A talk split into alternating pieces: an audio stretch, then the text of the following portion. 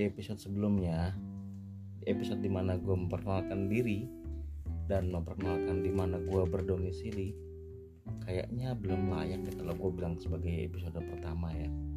Maka itu di dalam uh, podcast yang sebelumnya itu yang pertama itu gue kasih judul prolog yang tidak sempurna. Selamat pagi selamat siang selamat malam. Gue Kiko gue kembali lagi di podcast gue podcast kamar sempit di mana kita bisa menemukan inspirasi di dalam kamar sempit sekalipun. Ah opening gue belum bagus ya ntar gue pikirin lagi dah. Nah sekali lagi ya gue bilangin sekarang gue tinggal di Korea Selatan. Di sini gue bekerja bekerja sebagai tenaga kerja Indonesia. Itu singkatan dulu ya kalau yang sekarang ini kalau nggak salah namanya PMI PMI kalau di Indonesia itu kita langsung mengasosiasikan dengan sebuah apa ya organisasi non profit Palang Merah Indonesia. Palang Merah Indonesia sorry. Ya kalau PMI yang ini adalah pekerja migran Indonesia. Hmm, uh, istilah baru dalam tenaga kerja Indonesia.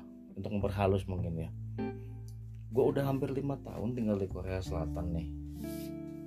Uh, dari tahun 2018 ya gue berangkat ke sini. Karena 2022 uh hampir enam tahun ya. Karena apa ya kemarin waktu pandemi itu kita dapat visa satu tahun gratis izin tinggal. Waduh beruntung banget ya. Seharusnya kita tuh para PMI ini para pekerja migran ini dapat kontrak itu. Yang pertama kita tanda kontrak untuk tiga tahun pertama. Setelah itu usai kita uh, diperpanjang lagi setahun 10 bulan ya total 4 tahun 10 bulan. Berhubung dua tahun lalu kalau nggak salah ya itu mulai merebak corona kan 2020 tuh merebak corona. Nah di sini tuh nggak bisa datengin uh, tenaga kerja asing lagi kan dari luar negeri dari negara-negara yang bekerja sama dengan Korea. Atau biasa kita sebut tuh G2G government to government. Jadi memang kerjasama dengan pemerintah untuk ke Korea ini kan untuk bekerja di sini kan di sana kita belajar dulu. Ntar deh gue jelasin deh.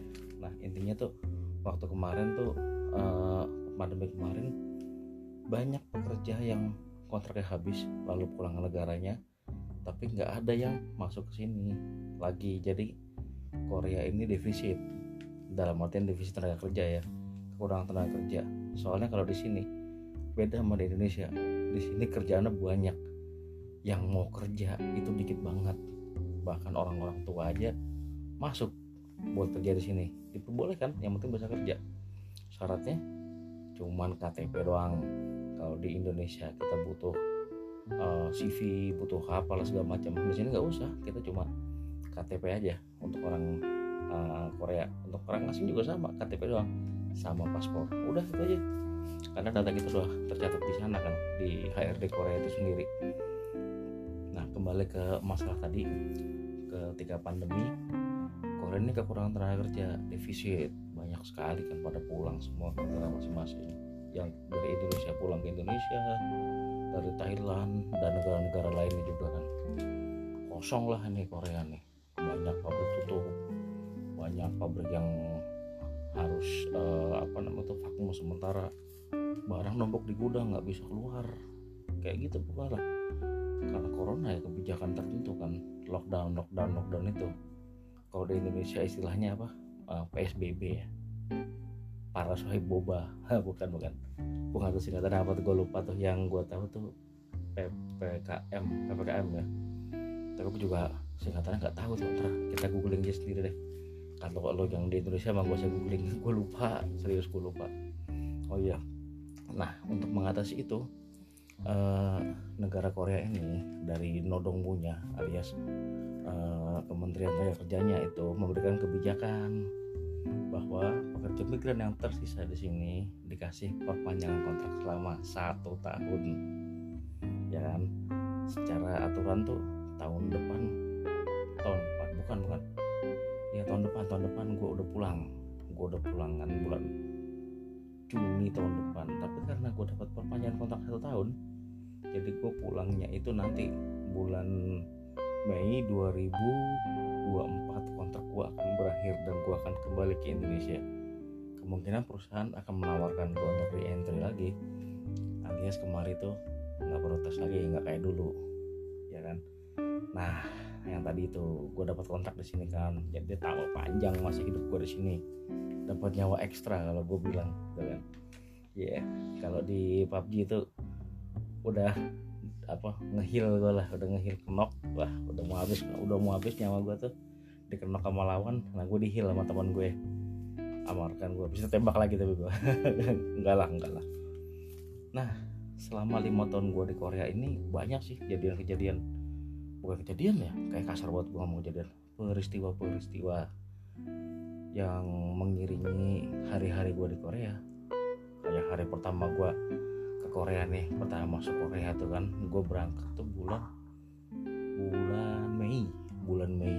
Nah kalau dari yang kita pelajarin bulan Mei itu masuk musim semi. Udara sejuk kata orang-orang yang uh, di sana di Indonesia kan. Uh, musim semi itu sejuk bla bla bla bla bla bla bla. Sampai sini gue turun di Incheon itu suhu 6 derajat coy. Sementara di rumah gue di daerah sebuah daerah di Bogor situ kan Bogor pinggir banyak pabrik ke situ. Itu panasnya bukan main. Waduh ini bukan shock halter lagi teman shock temperatur kaget gue dong. Nggak pernah nemuin uh, ngalamin suhu segitu tahu-tahu anjlok. Wah tuh maler-maler hidung itu. Udah kita lalu mengadakan apa namanya itu medical check up. Bukan mengadakan kita diwajibkan untuk medical check up lagi di sebuah tempat namanya tuh apa gue juga lupa namanya itu uh, KHBIZ kalau nggak salah Korean Business apa gitu pokoknya.